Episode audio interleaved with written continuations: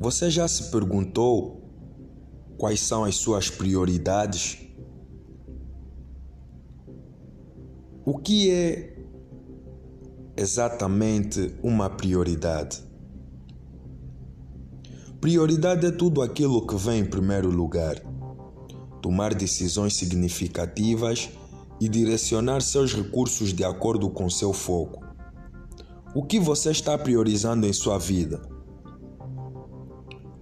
Ficar reclamando da situação e esperar que um milagre aconteça, ou aproveitar a situação em que está para investir em alguma coisa que possa agregar algum valor e mudar a sua vida.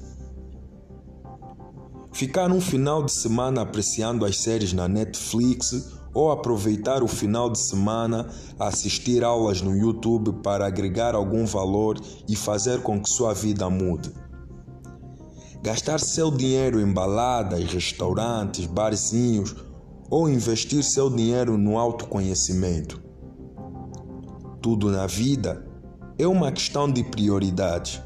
Então, saiba definir as suas.